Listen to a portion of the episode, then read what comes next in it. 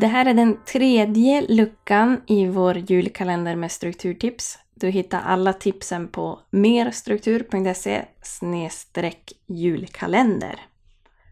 Och det tredje tipset är Skaffa ett fungerande planeringssystem. Och jag har egentligen två delar i mitt planeringssystem.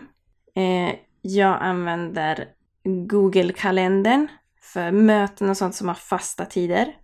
Och så använder jag strukturkalendern för att göra listor. Punkter som kan göras lite när som helst, inte måste vara på en specifik tid, en specifik dag. Utan kanske kan göras när som helst den här dagen eller den här veckan. Så tipset är att ha något ställe för de här fasta tiderna, fasta möten och så vidare och något ställe för att göra punkter. Det kan vara samma. Jag brukar skriva in båda i strukturkalendern men ha lite dubbelskrivning av de här som har fasta tider. Eh, men försök hitta något system för båda. Och om du vill ha mer hjälp med planering så länkar jag till några checklister både för att planera tiden utanför jobbet och för att planera tiden på jobbet. Eh, men strukturkalendern är ju ett väldigt bra tips skulle jag säga.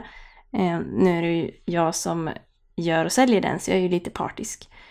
Men den går att beställa på butik.merstruktur.se eller så går du in på strukturkalendern.se. Då kan du se en massa bilder från insidan och se om det här skulle passa dig. Men oavsett vad, skaffa ett fungerande planeringssystem som du trivs med.